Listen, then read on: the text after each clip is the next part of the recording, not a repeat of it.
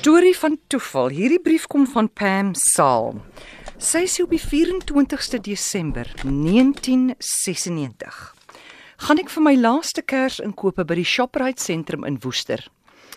Ek het 'n hele paar draaie om te ry en ek moes onder andere 'n item by 'n winkel in daai sentrum gaan omruil. My inkopies klaar gedoen, gaan ek gou om die item om te ruil.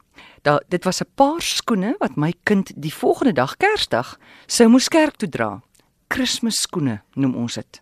Moeg gesoek, kry ek uiteindelik parkering. Ek sluit my motor en vaar die sentrum binne.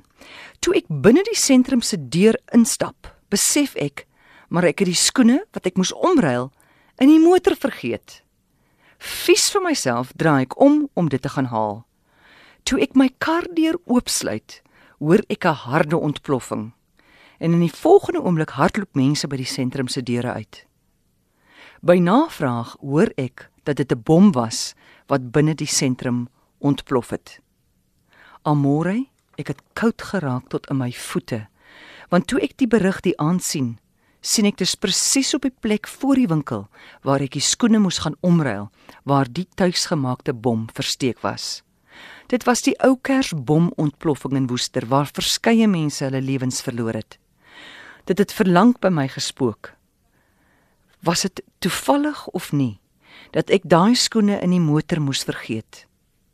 My openbaring was dat ek beskerm is.